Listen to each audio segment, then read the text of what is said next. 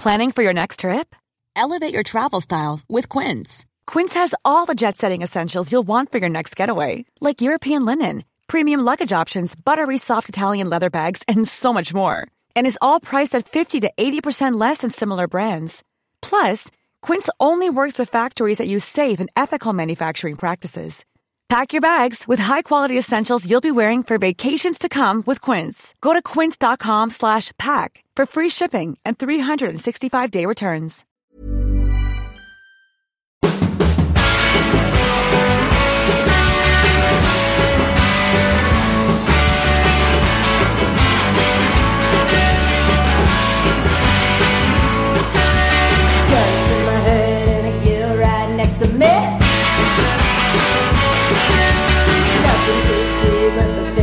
Around me.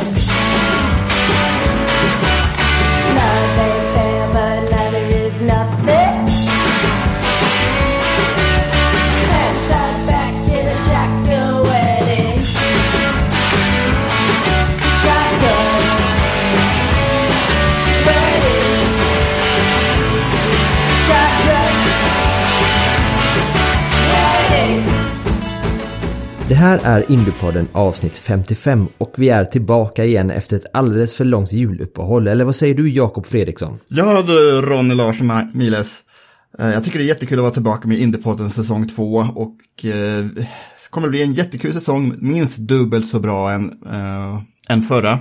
Vi har massa intervjuer på G, kanske lite internationella gäster också och vi slår ju på stora trumman eh, redan nu från början med eh, Först Rasmus Lind har pratat med oss lite grann.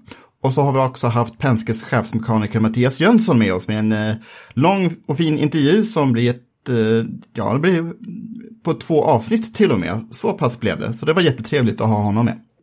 Och eh, som vi nämnde lite snabbt i vår säsongspreview förra veckan så har vi alltså ett nytt ledmotiv. Jag tycker nästan det är värt att nämna det igen för det är lite hedrande. För det är alltså The Sibs eh, helt eminenta låt Shotgun Wedding. The Sibs är alltså Colton Hurtas eget punk punkband där han själv spelar trummor då och så tillsammans med frontmannen John Graber, alltså Adam Snow på gitarr och så Chris Broadbent på bas då. Och de har alltså personligen gett oss tillåtelse att använda Shotgun Wedding i, i podden. Det är lite extra kul. Ja, det är jättekul att se videor på dem när de spelar i sina garage. Och de var nog också tacksamma över det här eh, jul, juluppehållet så Colton kunde eh, joina dem och spela trummor igen. Och det, var, det är eh, kul att se eh, racerförares andra intressen eh, på, det, på det sättet. Och eh, lyssna på dem på Spotify gärna. Ja men precis, och gillar ni som sagt garagebandspunk från Kalifornien så eh, Spotify är rätt destination att gå till då. De har nytt material på gång också. Men det är ju det, är som du säger, det är fördelen med lite off-season för racerförare. De hinner de, eh, hinner de göra lite annat också. Mm. Eh, vi ska väl ta oss igenom också lite annat nyhetsflöde som har hänt medan vi, vi har varit borta. Vi kan väl nämna ett par förare som inte kommer köra Indycar på heltid under 2021. Eh, kan man börja med att prata lite om Santino Ferrucci. Som inte verkar vara välkommen tillbaka hos Dale Coin Racing utan ska istället köra Nascar Xfinity-serien. Alltså andra divisionen i Nascar för ett stall som heter Sam Hunt Racing. Jag vet absolut ingenting om det här stallet förutom att de körde fyra lopp under 2020 utan några nämnvärda resultat. Och eh, hur Ferrucci själv resonerar kring det här karriärsvalet om det är någonting jag verkligen vill eller om det är något som är tvunget bara för att hålla karriären i liv. Eh, det får man läsa mellan raderna mellan, i de, i eh, de pressreleaser som kommit. Men ja, ingen Ferrucci alltså i Indycar 2021. Och någon vi kommer få se lite mindre av då det är Marco Andretti som har bestämt sig för att inför den här säsongen efter några riktigt tunga år eh, ta ett kliv tillbaka och vad, vad, ska vi egentligen säga om hans, hans beslut? Det är Indy 500 är det enda som är klart nu då inför i år. Mm, jag tror det här 50% är på grund av eh, Marcos 2020. Eh, det var hans sämsta år i karriären och han hans bil, nummer 98, Eh, kom inte bättre än 23 i mästerskapet, även om Marco själv kom på 20 plats i mästerskapet. Men just bilen som räknas för att kvala in till det här Leader Circle. Det är alltså ett stipendium som de 22 bästa bilarna i mästerskapet får på en miljon dollar för att fortsätta köra nästa säsong. Det eh, tog Sebastian Bourdais bil nummer 14 hand om istället. Eh, så det tror jag spelar mycket roll i, i Marcos beslut, men fem, resterande 50 procent tror jag också handlar om Marcus egna psyke.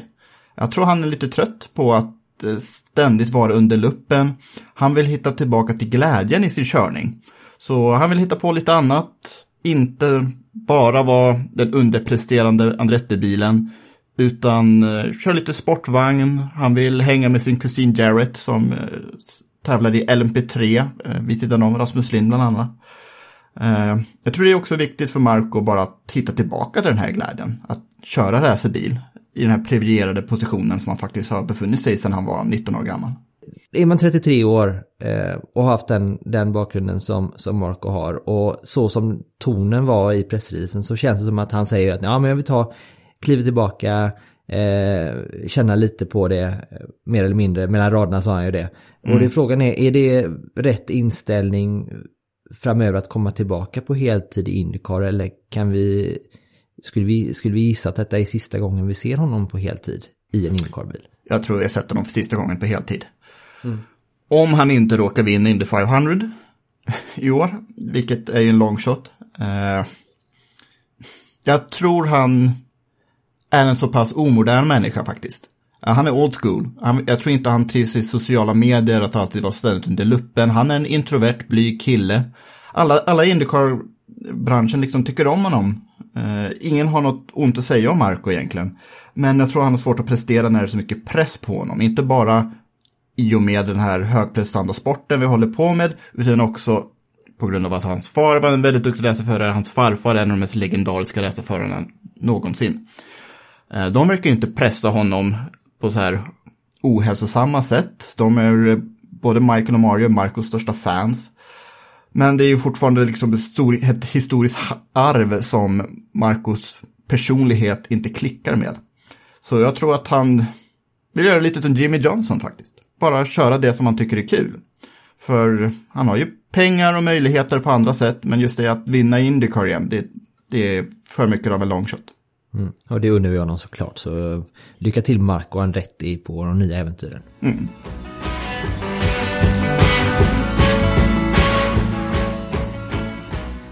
Jag fick ju äran i eh, den gångna helgen att prata lite med Rasmus Lind. Eh, han ska ju köra en del sportvagn nu januari ut. Både det här Roar before the 24 på Daytona och sen the actual 24, alltså 24 timmars på Daytona sista helgen i januari. Så jag tycker vi lyssnar lite på vad Rasmus själv har, har att säga om eh, hans januariplaner. Så tack Rasmus, kul att du var med i Indiepodden igen. Tack så mycket att jag fick vara med. Nytt år, nya möjligheter. För du har ju lite ny nyheter om vad du ska spendera de närmsta veckorna i. Eh, vad är det du ska göra? Um, jag ska köra uh, The Roar before the 24 uh, och även då Daytona 24 timmars uh, i IMSA mm. i LMP3-klassen. Ehm, så det ska bli kul. Det blir en väldans massa timmar i bilen då, för, förstår jag. Uh, ja. Kan du börja med Roar before the 24? Uh, eh, det är inte stora IMSA-klassen utan det, det är den klassen du körde lite grann eh, förra året. Kan du berätta om vad det är för klass och vad det är för lopp? Är det endurance eller sprint eller så? Ja, ehm, det är ju då ett tre timmars race då ehm, som går tillsammans, man kör tillsammans med en bromsförare då. Eh, så bromsföraren ska börja racet då eh, och racet är på 45 minuter. Eh, och sen så ska jag köra min stint då, så jag får köra en dubbelstint då, som det heter. Så jag får köra efter de 45 minuterna han har kört då. Så det är ju lite mycket strategier, det är mycket det är, man ska spara däck, spara bensin.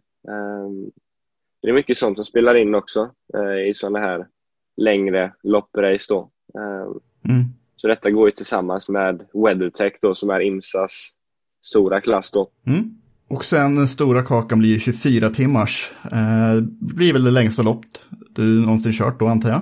Ja, det blir det. Mm. Och eh, då kommer det vara fyra i bilen. Eh, du kommer köra med Cameron Castles, Matteo Larena och Ayrton Ori.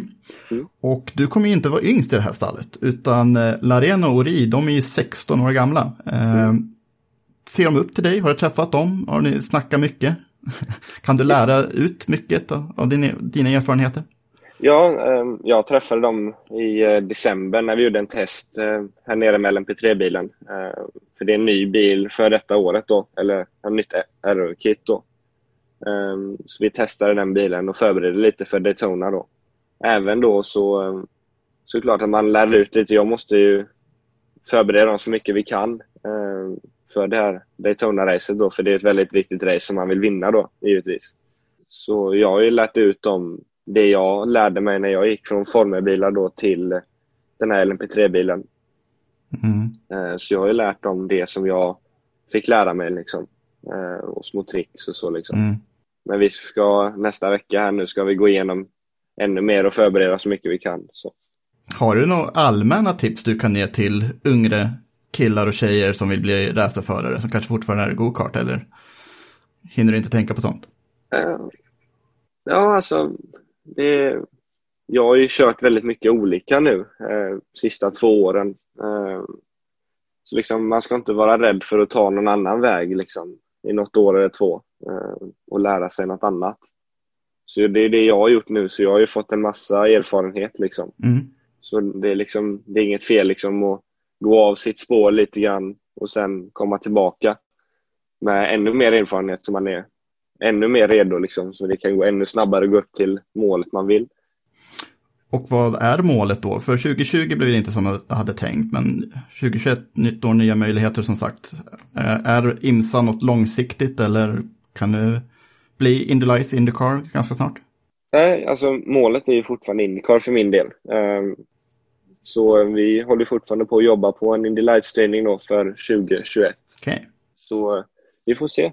Det blir, det blir spännande och premiären är ju då uppskjuten också tillsammans med Indycar förstås till Barber i april. Ehm, Ja. Men också om vi återgår till Daytona då. Något annat nytt för dig blir ju att du kommer bli omkörd en massa. Det är ju liksom två klasser Ja. med snabbare bilar, totalt 17 bilar i eh, Daytona Prototype och i LMP2. Eh, hur, har du kört långsammare bilar i sådana här eh, multiklasslopp? Eh, nej, det har jag faktiskt inte gjort. Eh, så det ska ju bli lite nytt. Liksom. Man måste ju planera liksom då. Eh, även om man kör om någon GTD eller GTLM-bil liksom, så måste man ju planera liksom, så det inte kommer en DPI på insidan av mig. Liksom. Så vi har ju spotters då på banan som varnar för sådana grejer. Liksom. Om en DPI kommer eller en LMP2. Mm. Så det är liksom bara att gilla läget liksom. och bli omkörd. Så är spotter som i Nascar menar du un- ungefär? Ja, de sitter ju uppe på, de sitter ju uppe på banan och så eh, tittar de ju. Eh, om det kommer en bil så säger de att ah, nu är det five back, ten back, liksom om man kommer närmare liksom. Mm. Alltså billängder. Det här är ju berömda Daytona eh, Speedway. Eh, Rolex 24 timmar har ju varit en stapel i sportvagnskalendern sedan 60-talet. Ganska lång bana med 50 bilar.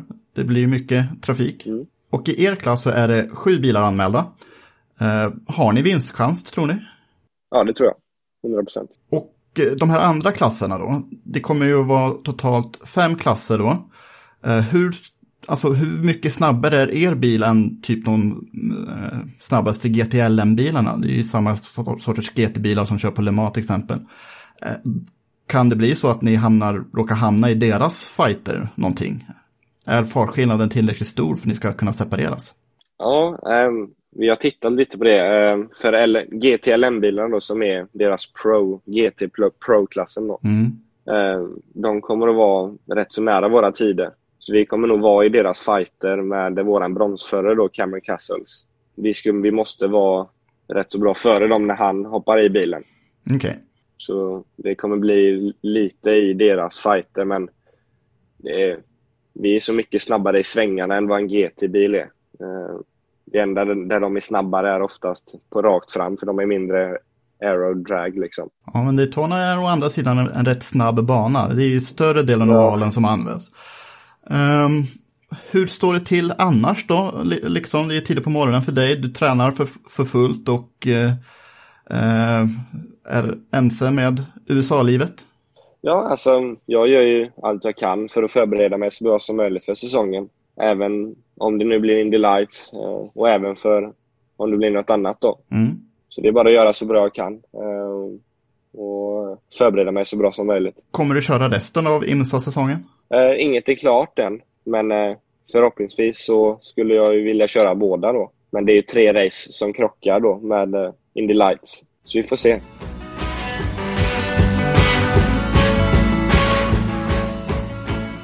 Det är kul att följa Rasmus här nu i den här, den här nästa stora utmaning. För det är inget, det är inget litet race det där, alltså Daytona 24 timmar. En, rikt, en riktig klassiker. Och framförallt nu med tanke på att, ja, nu är det ju ännu ingenting klart i Indy Lights då, men det är ju så lång tid kvar där till premiären. Och det är ju gott om lediga styrningar kvar där. Så att mm. det här blir väl en, en, en perfekt grej att fokusera på, både för Rasmus och för oss racingfans. Ja, han är ju realist. Eh, han vet ju om att det är få förunnat att köra racerbil och han vill ta vara på så många möjligheter som möjligt. Och eh, all heder åt det. Det är eh, häftiga tävlingar han ska vara med om, även om man kommer att titta i en tredje klassen kan man väl säga. Och eh, eh han kommer att bli omkörd många gånger och det, eh, det är en tuff utmaning, särskilt med ett så ungt stall. Men eh, jag tror att eh, det är en väldigt viktig erfarenhet det här. Mm. Men innan vi ger oss in i i vår huvudintervju med vår huvudgäst eh, Mattias Jönsson så eh, vet jag att du Jakob vill eh, uppmärksamma ett, ett par legendarer, eller tre legendarer som faktiskt har lämnat oss här i, i, i, jul, i jultid. Ja, det, Indycar har ju funnits väldigt länge och det är sorgligt när de här gamla legendariska profilerna eh, går, går bort. Och de tre jag vill nämna som gick bort under juluppehållet var eh, Pat Patrick som 91 år gammal lämnade oss. Pat Patrick är en legendarisk stallägare som vann Indy 500 tre gånger. Mästerskapet också några gånger, eh, i alla fall vann han var Indy 500-segrarna med Gordon Johncock och sen med Emerson Fittipaldi 1989. Sedan så borde vi också nämna Aldo Andretti alltså Marios tvillingbror, som gick bort under nyårshelgen. Eh, Aldo eh, blev 80 år gammal. Eh, han var själv också lite racerförare på 60-talet. Och när man ser bilder på honom och Mario från typ 1965, det går inte att skilja på dem. Så lika var de eftersom de var enäggstvillingar. Och eh, det använde Mario till sin nytta vid ett tillfälle. Eh, Mario Andretti tog ju pole position till eh, Indy 500 1969. Eh, men några dagar innan det så hade ju Mario kraschat och ådragit sig lite brännskador i ansiktet. Och eh, efter kvalet så är ju traditionellt fotografi med liksom första eh, raden bilar ställer sig upp, sig upp och ska posera inför kameran. Medan, men då var det ju så att eh, Mario inte tyckte att han såg något vidare ut med de här brännskadorna i ansiktet. Så då bad han då Aldo att hoppa in i hans ställe. Så på det här mm. fotografiet då, eh, det är A.J. Foyt i mitten och så Bobby Antler på utsidan. Och så på insidan ska det vara Mario Andretti, men det var ju inte. Det var Aldo Andretti, för de var så pass eh, lika. Uh, Aldos egna karriär var mest i sprint cars och i stock cars och det tog slut ungefär slutet av 60-talet efter en allvarligare olycka.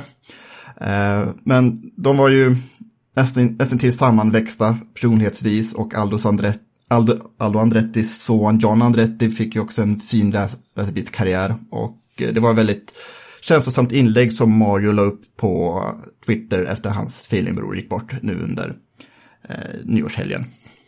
Och sen så vill jag också nämna eh, någon som är lite mer obskyr i Indycar-historien. Eh, John Paul Jr. Eh, var en av Indycars, amerikansk sportvagnsracings allra hetaste talanger under början av 80-talet. John Paul Jr. fortfarande den yngsta föraren att vinna eh, det 224 timmars, Sebring 12 timmars och hela IMSA-mästerskapet som han gjorde 1982. Sedan så hoppade han in i Indycar, gjorde fina resultat i ett par år. Eh, han vann, berömt nog, eh, Michigan 500 1983 där han körde om Rick Mears på allra sista varvet. Och sen kraschade Mears när han försökte köra om tillbaka i sista kurvan. Eh, så John Paul Juniors karriär var spikrak på väg uppåt omkring 1983 då. Problemet var att hans far, John Paul Senior, var en riktig skurk. John Paul Senior Eh, drev en drogkartell, eh, smugglade in Mariana in i USA, använde de pengarna då för att sponsra sin sons racingkarriär och sin egen för den delen. Eh, John Paul Jr. var lite indragen i det här. Det var svårt att komma undan det. Eh, men John Paul Sr. Eh, ställdes inför rätta 1984 efter han hade försökt mörda eh, en före detta kompanjon. Eh, John Paul Jr. dömdes också eh, för att han vägrade att vittna mot sin far i rätten. Så John Paul Jr. satt i fängelse ett och ett halvt år, slutet av 80-talet. Men sen när han kom ut ur fängelset så kunde han i alla fall distansera sig från sin fars verksamhet och gjorde comeback i racing. Inte med något toppstall, eh, och det dröjde ett tag innan han skulle hitta ett toppstall igen. Och det gjorde han när Indy Racing League blev en grej i slutet av eh, 90-talet när eh, Indycar-serien splittrades i två. John Paul Jr. vann 15 år efter sin första seger på Michigan, eh, Texas Lone Star 500 1998 mot Kenny Bräck bland andra. Så 15 år senare alltså fick John Paul Jr. ett riktigt uppsving i sin karriär. Han blev fabriksförare åt Corvette, körde för det numera legendariska Corvette-stallet på Daytona, Sebring, Le Mans och på alla andra sportvagnsrace. Men år 2001 diagnostiserades han med eh, Huntingtons disease, vilket var det som berägde han om livet den 29 december 2020.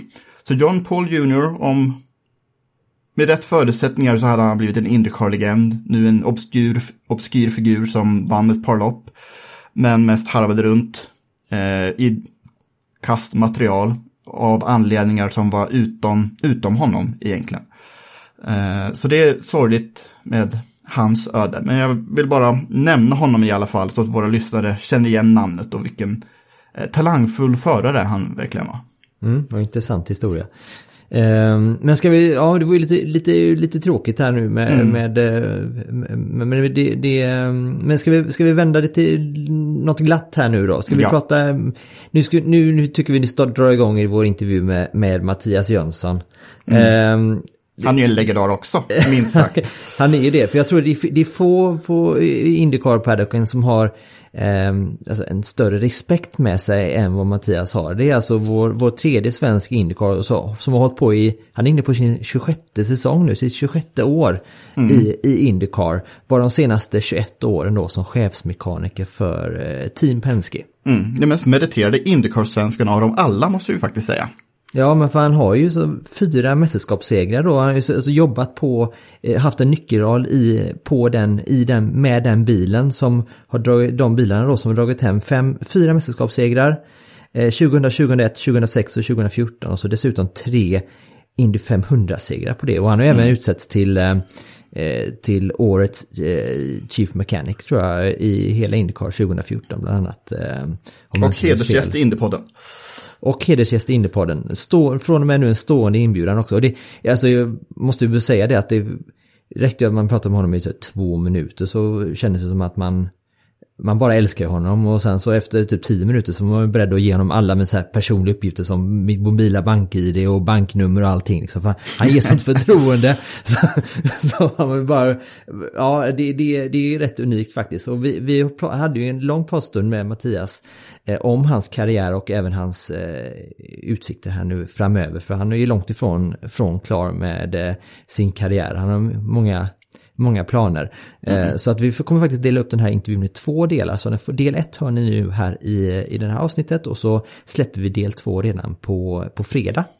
Mm. Så varsågoda Mattias Jönsson. Välkommen till Indiepodden Mattias Jönsson. Ja, tack så mycket, tack. För det första måste vi bara få göra klart här nu. Så är, det, är det Mattias Jönsson, eller Matt Johnson eller är det The Swede vi ska tilltala dig? Ja, eller hans, hans kungliga höghet kanske också funkar? Nej, det, det, funkar nog inte, men de andra tre funkar jättebra. Uh, vilken som helst kan man säga. Det beror lite grann på vilket, uh, vilken sättning man är i kan man säga. Så att, uh, ja, det, ni får välja själva. Det spelar ingen större roll för min del. Jag svarar på allt och allt. ja alla namn i stort sett kan man väl säga. Men då kör vi Mattias då under intervjun. Det känns, det känns bra. Tillbaka till rötterna, de svenska rötterna helt enkelt. Det, det känns ju lite mer svenskt, det, det håller jag med om. Men Mattias, vad, vad, krävs för att vara chefsmekaniker för ett av världens största racingteam i 20 år?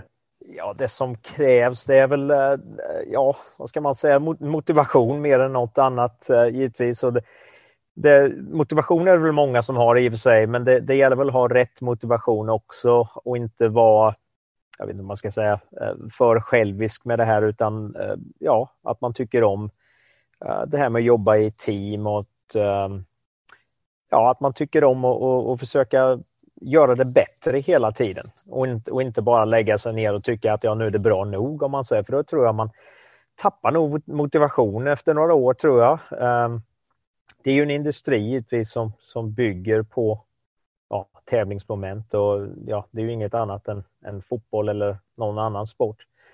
Um, racing i sig självt, det, det inbjuder ju väldigt mycket utveckling i sig själv och uh, ja, jag tycker man kan man växa själv med, med teamet och uh, att man får ha väldigt stor influens på, på vilken väg som teamet ska tas så, så hjälper ju det givetvis med motivationen och jag tycker jag har varit väldigt uh, ja, jag har haft väldigt stor uh, förgång att uh, teamet uh, och jag har jobbat ihop helt enkelt med utveckling och så vidare och att idéer och sånt har, har tagits på allvar och vi har flyttat framåt med, med ens egna idéer. Och då, ja, det, det, det blir motiverande och det, det, om man säger det växer ju på sig självt eh, vad det gäller sådana grejer. Och jag tror det är så man får se att, att man kan hålla på i 20 år och, och förhoppningsvis eh, minst 10 till.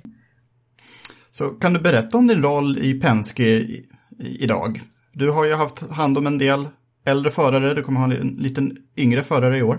Ja, eh, även det då givetvis gör ju att det, det fortsätter med motivation. Eh, som, som du säger då så har det ju varit, eh, ja, det har varit 25 år nu med, med Penske som det var förra året. Jag börjar med 26 år nu med samma team här. Och eh, ja, eh, även att byta förare. För jag menar, är man med samma förare som jag har varit med Will Power nu så har jag varit i åtta år med Will. Och det blir nästan som ett, ja, som ett äktenskap kan man nästan säga. Och Eh, man jobbar ju så väldigt tätt och intensivt ihop eh, mot ett och samma mål. Eh, ja, varje helg kan man säga. Och det, det innebär ju inte bara under säsongen utan det gäller ju också på vintertid att utveckla och eh, se vad man vill ta det ihop till nästa år och så vidare. Och eh, vad det gäller en sån grej så ja, i stort sett efter åtta år så känner man nästan varandra för väl. Och eh, som, som man kan säga då, liksom, som, som äktenskap, det måste förnyas och så vidare och givetvis eh, ja, så här och hålla det, hålla det bra hela tiden och, och så här. Och det har det ju varit med Will och vi har haft väldigt stora framgångar. Uh, men nu då så i år så ska jag köra då Scott McLaughlin som du säger. Han är 27 år gammal.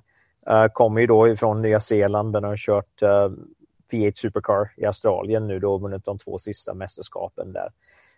Um, Roger Penske då som ägare har bestämt att han ska köra Indycar nästa år och uh, kommer in som en rookie och uh, ja, teamet hanterar det väldigt väl. De frågade om jag ville köra skott eller om jag ville fortsätta med med eh, Will. Men, och det är ju schysst att de frågade det, men sen kom det ju fram då att Roger hade ju själv då frågat eller sagt att han ville att jag skulle köra eh, skott. Och är det så att eh, Roger vill det så, så blir det ju så oavsett eh, min eh, åsikt eller någon annans kan man väl säga. Så att jag, jag, tycker det ska bli jättekul och jättemotiverande att vara med en kille som Scott. Det, det är ju ja, han är jätte, jättetalang, alltså är han helt enkelt, som, som kommer in i den här serien. Och då ska man ju också tillägga att den här serien måste jag nog säga, det, det finns så många talangfulla förare numera och eh, man får nog se en tillväxt över två år här innan man kan räkna med att Scott uh, kommer att vinna race och kommer att vara med och fightas om uh, ett mästerskap helt enkelt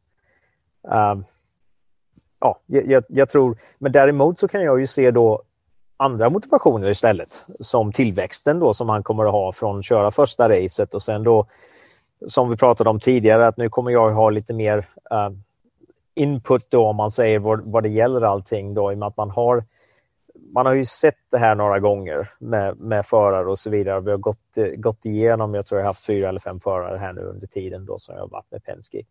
Och eh, man kan ju då prata med Scott, liksom, uh, nu studerar ju han video och allting också givetvis, men man kan ju ha lite rutinerad input på uh, så att inte han gör samma mis misstag som andra rookies kanske har gjort och så här. Så jag, jag, tror, eh, jag tror det blir väldigt, väldigt motiverande för min del att se den här uppväxten som han kommer ha inom Indycar-serien över de nästa två åren. Och sen så får man nog säga att uh, då gäller det att börja vinna race sen och mästerskap.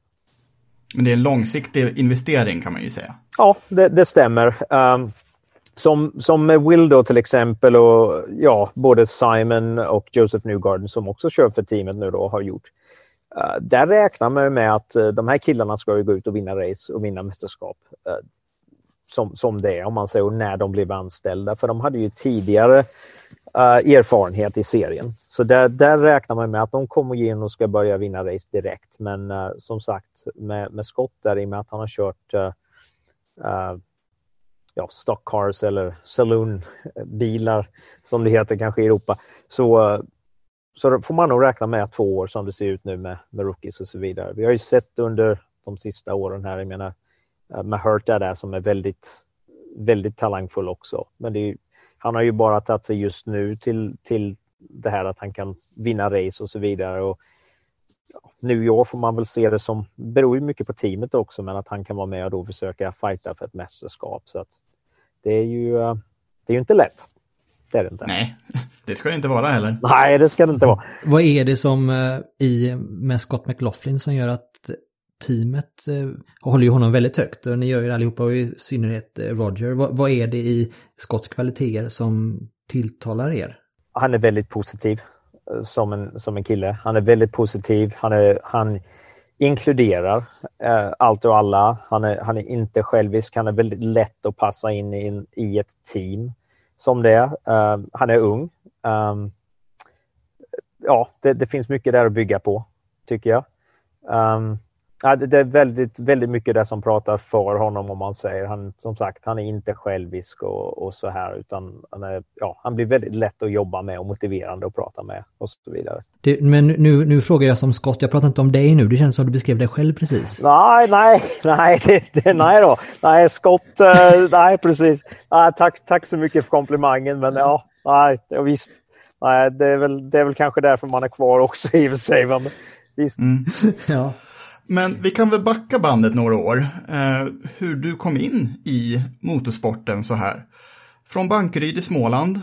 Magiskt ställe då med din storbror Niklas som började köra racerbil i ung ålder. Eh, ni jobbade lite tillsammans som tonåringar och jobbade upp till Formel 3 på olika sätt. Kan du berätta om hur du blev en sån här talangfull mekaniker? Ja, det, det kan jag väl göra så gott, så gott jag kan i alla fall. Visst, det, det är som du säger brorsan eh, Niklas eh, körde ju go-kart som väldigt tidig ålder och eh, då var jag givetvis, eh, jag är ju fyra år yngre än, än brorsan då så att eh, från början så var det väl mest brorsan och pappa då som höll på med go-kart eh, medan jag var lite för ung för det där då för tillfället. Men sen eh, tillhörde väl att eh, ja, pappa blev sjuk en sommar där och så vidare och kunde inte följa med brorsan och då ville ju brorsan fortsätta att köra gokart och så vidare. Uh, så att uh, som lillebror då, uh, så, och lite intresse får man givetvis erkänna att man hade vad det gäller nyfikenhet, vad det gällde att jobba på grejer och så här. Så kom jag med och började jobba då, men sen då när farsan blev frisk till nästa år så hade, ja, då tyckte väl jag att det här var ju min grej nu. Så att då fick väl farsan vara med mer i en supportroll och det var det väl som det funkade då, min bil istället. Och då snackar vi go-kart. Uh, som man jobbade på då åt brorsan. Och det var ihop då givetvis med skola och så vidare. Jag ska säga åka till racen som man gjorde då, om man säger det var i mitten på 80-talet i och för sig. Då. Vi uh, hade ju ingen jättebudget ska man väl säga, utan tvärt, tvärt emot. Eh, så att uh, vi körde väl då med lite gamla grejer och det var ju inte stora trailers och grejer utan vi hade ju då en kombi istället som gokarten blir ilastad på snedden i bak och, och så vidare med nedfällda säten. Och, ja, den enda sitsen som fanns kvar för mig då när vi åkte hemifrån vid fyra på morgonen till, till de här racen så var det ju att sitta i, i gokartstolen baklänges och sova och ja, brorsan och farsan fram givetvis då och åka till de här racen och tillbaka. Så, så, så, såg det väl ut när vi började i alla fall. Um, och sen framåt, eh, ja, i och med att eh, brorsan hade ju succé med det här och ja, intresset fanns så fortsatte det framåt och som du sa så hamnade vi då eh, vid Formel 3. Och då köpte ju brorsan först en Formel 3-bil själv som kördes utan, ut från våra garage där i Bankeryd. Um, vilket som kanske inte var det, det smartaste att göra kanske man vill säga, men det har ju bevisat sig att eh, det har ju funkat vidare sen i alla fall. Så det var ju tack vare men, många lokala supportrar vad det gällde bensinstationer som, som fanns hemma vid och transportföretag som det då lånades lastbilar ifrån och så vidare för att hålla karriären vid liv. Och sen så eh, året därpå så eh, blev ju då brorsan anställd av eh, Team Ichiban och började köra då med, med dem som eh, Christer Johansson och Hasse Wengström hade satt ihop det här teamet och eh, Kenny Bräck körde ju då för Team Ichiban ehm, um, 1988 när det teamet startade och så vidare. Och um, på den vägen då så, så blev jag också introducerad då till Christer Johansson och Hasse Wengström och också här och började jobba. Det var ju väldigt mycket volontärt jobb helt enkelt på, på ja, få ihop det här med, med ekonomi och så vidare för dem också att köra det här teamet och gjorde ju det väldigt eh, professionellt um, för både svensk och europeisk standard då. Och, och resultaten kommer det med Niklas eh, titlar i Formel 3?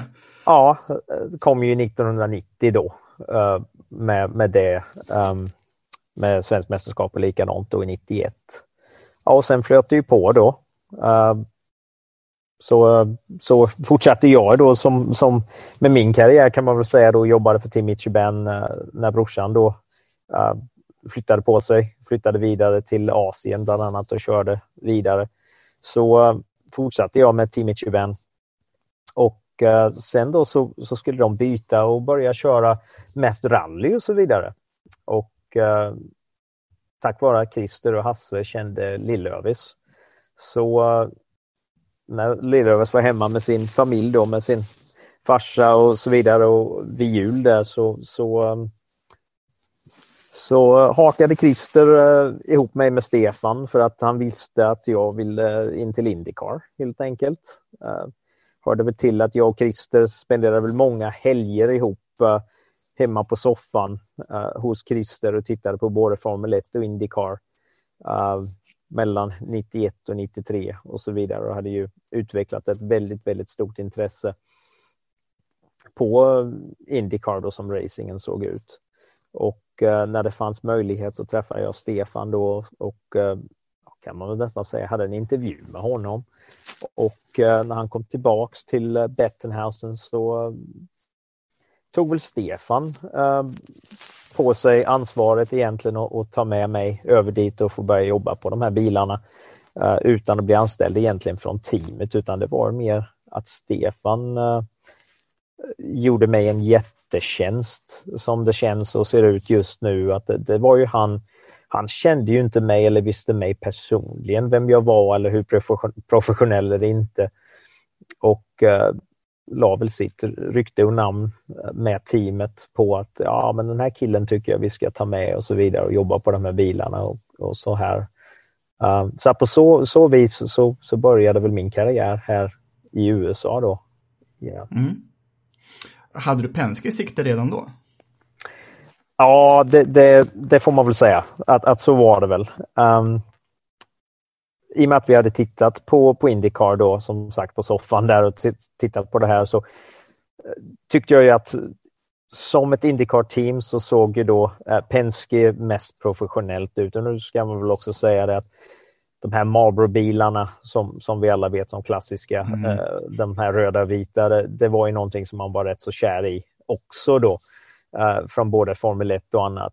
Och eh, så det var väl ett mål ifrån början att få jobba på, på en bil med den här Marlboro Paint Schemen då. Sen, sen man var väldigt liten så kommer man ju ihåg de här F1-bilarna då från McLaren och så vidare som, Mm. som körde den här klassiska med Chevronen på.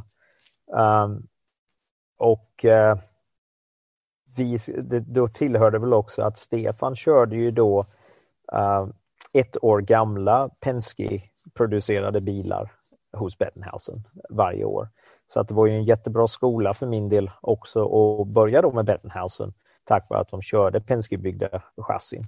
Så att eh, nej, allting funkade jättebra faktiskt på den vägen och jag ska väl säga jag har haft det, ja, vad ska man säga? Jag, jag har ju haft en, en väldigt stor tur med att ha varit med, med rätt folk vid rätt tidpunkter genom hela karriären tycker jag också då som, som, som både Christer Hasse och sen då vidare till Lövis och sen då lärde känna eh, Tony Bettenhausen och, och så vidare som hjälpte, hjälpte mig att komma in med Penske och sen lärt känna Roger och så vidare. Så jag, jag tror det, det tillhör väl också att man, man har haft väldigt mycket flyt helt enkelt med att, att lära känna det, rätta folket för att komma in på rätt spår i sin karriär också, tycker jag. Mm. Det verkar ju inte vara en slump för det ser man till alla de här milstolparna du har gjort från, ja, från Team Ichiban då och sen eh, ja, vidare till Bettenhausen och sen Penske. Det känns som att du har snabbt fått förtroende från teamet och kunnat avancera där. Så du, du fick väl en snabb nyckelroll inom Bettenhausen ganska snabbt och sen i samma sak gäller Penske. Vad, vad, vad tror du de har sett hos dig som har fått dig till de positioner du har haft så snabbt ändå? Ja, det är väl en bra fråga. Det, det är väl, ja, jag, jag, jag tycker väl inte om så mycket och, och, och liksom, ja, med, med själv, eh, ja vad heter det, skryta med sig själv om man ska säga. Jag tycker, jag tycker inte det, det finns någon plats för det egentligen utan det är väl mer upp till, eh, till de som har avancerat den eh, framåt i livet och, och, och säga i och för sig. Men eh, förhopp Men om, man, om man, men om man vänder på det och säger som så här då att du är ju känd, du är vida känd för din, liksom din arbetsmoral och din, alltså du har ju, du är känd för att jobba väldigt mycket och väldigt outtröttligt och du, eh, så som vi har, vi har tolkat det så är det ju ofta alltid liksom bra energi och för, förmedla en bra känsla till teamet. Är det någonting som varit ganska oamerikanskt som har faktiskt har tilltalat och det, det har tillfört någonting till gruppen vad den har varit? Ja, det, det, det, det kan man väl hålla med om, Ronny. Det måste jag väl säga. Liksom att det var väl en grej från början då som, som kommer väldigt mycket ifrån Sverige och från Team Ichiban och så vidare. Att eh, moralen betyder ju väldigt mycket och en attityd, en positiv, positiv attityd oavsett resultat. Det, det är väl någonting som man, ja, som, som ledare i ett team så tycker jag nog att det, det är ju en grej som man måste trots allt hålla framme för att är man ledare, och det, jag tror inte det jag tror inte det spelar någon roll vilket, eh, vare sig det är sport eller företag eller något annat. Eh, som ledare så tror jag man ska ha en, en positiv attityd eh, och försöka då och eh, köra framåt helt enkelt oavsett om resultatet för dagen har varit inte, inte där det ska vara så får man ju då titta framåt istället och titta på det positiva. Och det, det, det tycker jag väl att du har rätt i att det är väl ja, helt enkelt en attityd som betyder väldigt, väldigt mycket för, för ett team. Och eh, det är kul att höra att ni säger att, eh, att det ser så ut och att eh, givetvis jobba hårt. Det, det är ju en annan grej givetvis, men det, det är ju som, som ni gör med den här podden då, som ni har tagit fram och som är jättekul att vara med på här. Det, det kommer ju inte av sig självt utan det, det krävs ju väldigt, väldigt mycket jobb.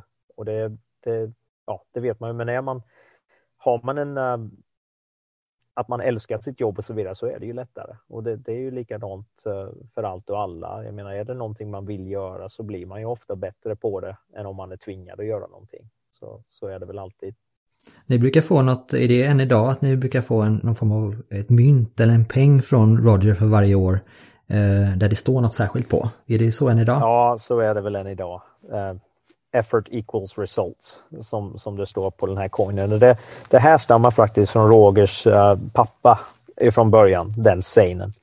Uh, eh, och sen har han då tagit vidare den så att det var väl någonting som hans pappa brukade säga till honom liksom att ja, ska, ska, det, ska det framåt och ska du göra någonting så är det effort equals results och så vidare. Så att det där håller, det, det får vi ett varje år, ett sånt mynt då som, uh, ja, som de stämplar fram om man säger då med året instämplat på också. Så det, det, är, det är väl en kul grej eh, måste jag väl säga som är eh, och jag menar som, som Roger eh, ser folk också, det, det är som han alltid säger, liksom att det är ju hans största investment och uh, hans största, uh, ja vad ska man säga, det, ja, framförallt så är det folket helt enkelt. Man kan ha hur mycket pengar som helst men i sista änden så kommer det ner till folket och de anställda man har. Eh, för att allting ska liksom falla på plats. Så, ju äldre man blir så eh, håller jag nog med om det där mer och mer faktiskt. Att det, det ja, han, han har nog rätt med det där att det, det, är folket som gör stor skillnad i slutändan i alla fall. Mm. Du har ju varit i Penske då i ja, 26 året blir det nu.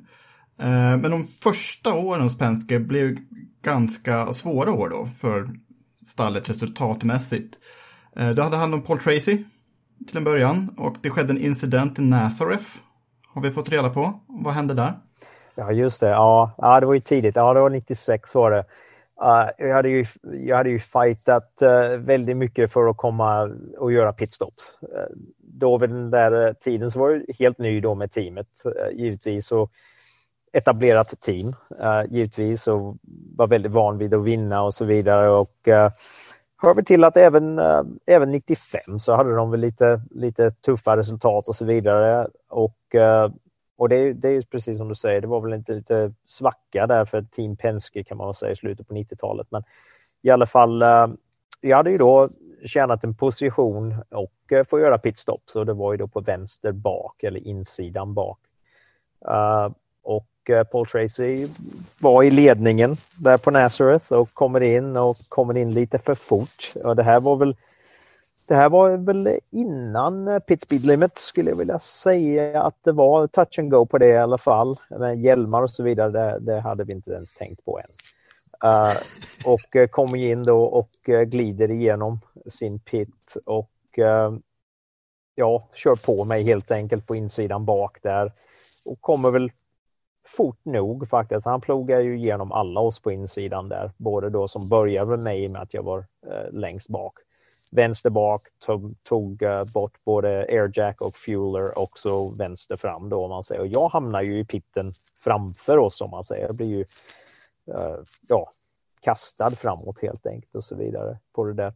Och det, det blev väl uh, knäop knäoperation och uh, Eh, i alla fall ett brutet revben som man inte gör någonting emot i alla fall. Det blir bara lite svårt att skratta i några månader. Men eh, så här så det, det hände i alla fall. Ehm, det gjorde det ju. Och eh, det var väl inget kul då att få sitta, sitta ut resten av säsongen faktiskt ifrån att göra pitstop tack vare de här skadorna. Men ja, man, man, man lär väl sig från sina misstag också. Det, det var väl i och för sig ett förarmisstag, men Å andra sidan då det här med hjälmar och så vidare har ju kommit till och ja, pit speed limit och så vidare. Så att det har ju blivit säkrare. Det är ju inget snack om det. Um, har din syn på säkerhet förändrats genom åren? Ja, jag, det får man väl anta. Men... Ja, det, jo precis. Det är väl lite, ja, ja, det vore väl falskt om jag sa om det inte var så. Men vad det gäller när det kommer till pitstoppen så ja, det, det, finns ju bara en fokusering och det är ju helt enkelt på att byta det där däcket och du fokuserar ju bara på din hjulmutter som kommer emot dig om man säger laserfokus försöker på den där om man säger och sen då ja, så gör du ju vad du gör om man säger. Uh, men jag tror ju mer rutin man har så tror, tror jag att man ser mer också i pitlane. För man, man har ju sett mer vad som kan hända och jag tror man får lite uh, vidare blick om man så säger när man, när man står där i pitlane. Uh, eh, om man ser någonting som börjar gå lite snett för någon som är omkring en så, så tror jag att man uh, tar sig därifrån lite, lite lättare än, än när man först börjar. För då, ja, på något sätt så blir det ju bara fokuserat på sitt jobb. Medans, medans eh, ja, har man lite mer rutin där så, så det är ju inget snack om att det bara är så när man byter sitt hjul. Men man börjar nog den där fokusen lite senare och kommer ur den där bubblan lite snabbare vad det gäller att titta runt. Uh, och så vidare. Så den säkerheten på så sätt har ju förändrats. Uh, den vyn och sen måste jag nog också säga som så här som nu då i och med att bilarna har blivit säkrare, som jag tittar nu då på mitten på 90-tals bilarna eller tidig 90-tals bil jämfört med dagens bilar. Och nu snackar jag om förarsäkerhet. Uh, och det, det, är ju natt och dag där alltså. Jag menar de, de här bilarna som byggdes i början på 90-talet, det var ju bara att göra bilen så lätt som möjligt. Och det var ju bara för att göra bilen så snabb som möjligt. Och det var väldigt, väldigt lite tanke på någon slags säkerhet för föraren och så här. Eh, uh, Medan nu då som, som förra året då, så fick vi till och med en sån här windscreen då och med halo och så vidare. Så bilarna har ju blivit något fruktansvärt mycket starkare, säkrare och så vidare för förarna. Och då vill jag bara tillägga där också att som förare då så, så för oss i pitlane så har det nog blivit lite värre ska jag säga. För att förarna känner ju sig äh, för säkra nästan i de här bilarna. Och har nästan tappat lite för mycket respekt för äh, varandra, både på banan och, äh, och i pitlane och så vidare. För att ja, körde du i muren eller körde ihop och så vidare i början på 90-talet, jag menar, ja, du blir ju alltså skadad seriöst till ett minimum om inte livet mm. på spel. Medan jag känner mer så nu att det är mer ett eh, videogame nu att eh, du hoppar ur bilen oavsett din krasch. Nu har vi ju sett några våldsamma krascher de sista åren också, ska jag inte säga det, men, men jag tror det finns en liten förfalskad säkerhet där från förarnas perspektiv okay. och har tappat lite respekt på vad som kan hända även i en bil som väger nästan 800 kilo i, i 100 kilometer i timmen i pitlane. Det, det, det, måste jag nog säga att det, det är väl en grej som jag inte tycker om så mycket att de tappar lite respekt så här i pitlane. För men trots allt så står vi då som crewmen, vi har ju ingen halo eh, runt oss om man så säger. Nej. Eh, och du nämnde att det var några ma magra år för Penske i slutet av 90-talet och sen eh, ännu värre var ju att Penske förlorade två förare, eh, Gonzalo Rodriguez och Greg Moore som var kontrakterad för 2000, det här var slutet av 1999. Hur var atmosfären i stallet den här tiden när ja, Tracy hade, hans form försvann helt, Answer Junior samma, lika så. Var det något särskilt som hände med stallet de åren? Det, ja, det, det, det, var det väl i och för sig. Och uh, nu, nu, ska jag säga som så att de, de hade ju haft så jättestor framgång under många år. Och jag, jag, tror vid den tiden så berodde det faktiskt väldigt mycket på den egna producerade bilen. Uh, mm. Och uh, att Roger hade investerat och börjat göra motorer i mitten på 80-talet ihop med Ilmor. Uh, som då började utveckla, ja, som var då eh, uh, namngedd Chevy. Eh, så det var en Cheva-motor då som, som utvecklades som Chevy A, B, C och så vidare. Och de hade ju väldigt stor framgång och racingen här i USA då, vid den tiden, framgick väldigt mycket på hästkrafter. Och att du kunde producera uh, din egna bil som också innebar att uh, du hade tillgång till en bil som ingen annan hade tillgång till. Så att fick du rätt recept där så, så fanns det framgång och den var i stort sett ingen som kunde komma ikapp under året.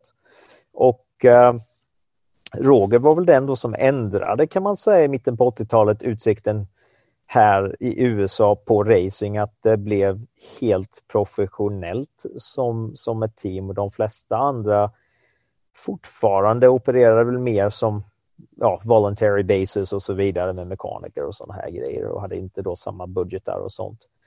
Um, så att jag, jag, tror det var en väldigt uh, bortskämd grupp kan man väl nästan säga. Uh, och då ska man inte kanske ta det på fel sätt men så att när, när motgångarna började komma där i mitten på 90-talet som, som du pratar om så tror jag det blev ett, ett stort utbyte utav folk.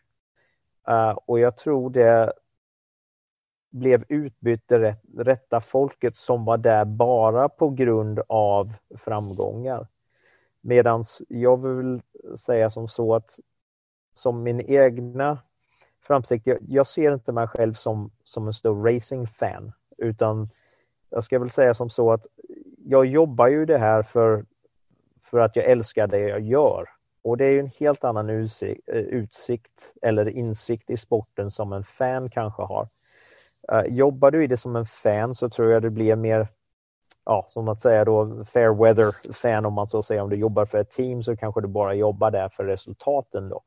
Medans jag tror då i slutet på 90-talet så byggdes teamet om runt killar då som var där för, i min åsikt, med rätt attityd. Eh, för att det fanns motgångar och, och så vidare och att de här framgångarna, de kom inte utan jobb och de kom inte utan determination och så vidare. Så jag, jag tror det blev en stor eh, omtanke där eh, vad det gällde allting. Det hörde till också, ska jag väl säga, att som du säger, Alonso Junior och så vidare hade vi tappat en, en hel del eh, och kom mot slutet på sin karriär. Tracy däremot så tror jag han tycker väl också att resultaten skulle komma lite lättare och som en förare så tror jag det är lättare att se det så för att du har en kortare karriär som förare än vad du har som, ja, snacka nu meck eller, eller ingenjör eller vad som helst. Du har ju bara vissa år då som du kan vara där och producera resultat. Och jag tror han blev lite impatient vad det gällde det där och attityden visade sig framåt att han, han ville ju inte vara där och utveckla utan han ville ju bara vara och producera resultat. Och jag tror det blev utvecklingsår helt enkelt. Och vi tog ju, vi bytte väldigt mycket folk. Eh, som sagt, även då eh, mot slutet av Penske-bilarna där så eh, visade det sig att vi hade i stort sett gått ner våran egna eh, väg där och gjort bilen sådär helt perfekt då. Vindtunnels perfekt och eh, så här. Medan Reynard hade ju då börjat producera uh, Indiebilar också. Och den var ju då en väldigt uh, okänslig bil kan man då istället säga. Det var, det var ju en massproducerad bil som var, ja, vad ska man säga, som average bil istället. Men det, det visar ju sig liksom att på en bana då när du kör bakom någon med, med buffering och vingar blir, blir smutsiga och, och det ena och det tredje och du kör emot lite här och där så är det ju ingen perfekt värld längre. Och, och våran racing som du vet här borta med, med gul flagg och det ena och det tredje. Så även om du har en outstanding day så kommer du vara i trafik någon gång och så vidare. Och då funkar det ju inte med den här Formel 1-bilen som är byggd för den positionen som du startar i om man säger att du måste hålla dig. Sätter du din downforce för att vara längst fram så funkar inte bilen någon annanstans. Och det var väl lite så där som våran bil hade börjat fungera då mot 97 och så vidare. Att den där, den där bilen den var helt perfekt om man säger vad det gällde kval och så vidare och om det inte fanns någon vind och, och så här. Men när du började köra mot andra bilar och, och sånt här så ja, den var väl nästan värdelös. Och uh, det var inte bara aero på bilen utan det, det gällde ju även motorerna då de var ju mest byggda för ovaler uh, vad det gällde höga hästkraftsnummer men hade ju väldigt lite botten och uh, för, för road courses och street circuits och så vidare så fanns det väldigt lite användbar hästkraft kan man väl säga i de här motorerna. Och Goodyear hade ju börjat tappa mot uh, Firestone som körde ett väldigt aggressivt utvecklingsprogram också. Så att när vi började ta oss fram emot som, som åren där, där du säger vi skulle kontraktera Greg Moore och så vidare, så uh, gjordes ju beslutet att vi gick med Reynard som var, som var då en massproducerad bil uh, som hade bevisat att det var antingen Reynard eller Lola som var de bättre bilarna just för tillfället. Uh, just för att börja om från noll om man så säger och hitta våran väg igen. Um, med en Honda-motor och det tog vi väldigt, uh, det tog ett väldigt stort steg för Roger att göra ett sådant beslut för han, han hade ju fortfarande uh, en tredjedel ägodel i Ilmor uh, som fortfarande producerar motorer. Och vi körde ju helt enkelt emot dem. För de producerade fortfarande Mercedes-motorn då, men vi körde Honda.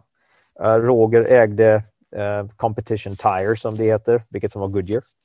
Och vi körde Firestone.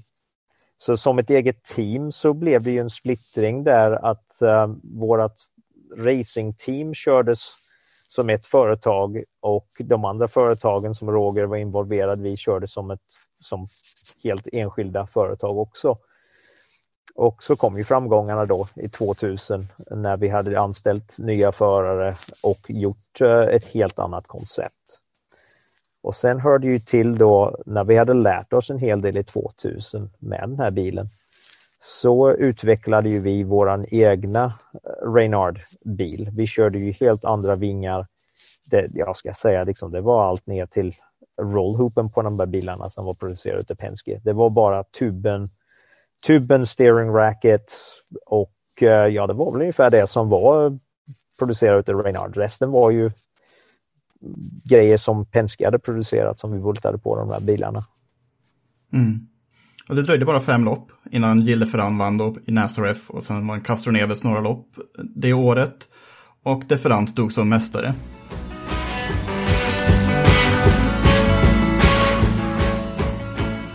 Mm. Resten av intervjun med Mattias Jönsson kommer ni få höra på ja, fredag nu, den 22 januari publicerar vi det avsnittet.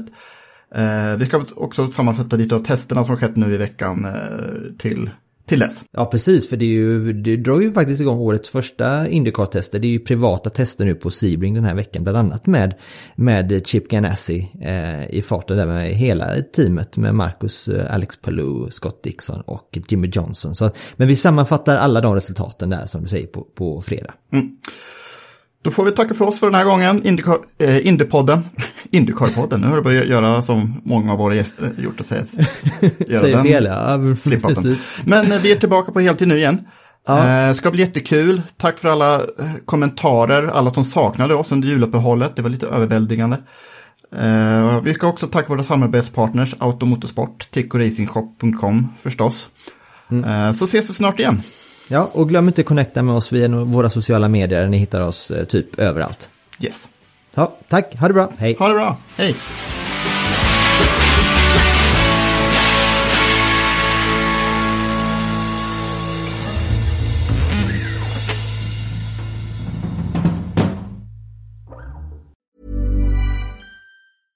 Want flexibility? Take yoga. Want flexibility with your health insurance? Check out United Healthcare Insurance Plans. Underwritten by Golden Rule Insurance Company, they offer flexible, budget friendly medical, dental, and vision coverage that may be right for you. More at uh1.com.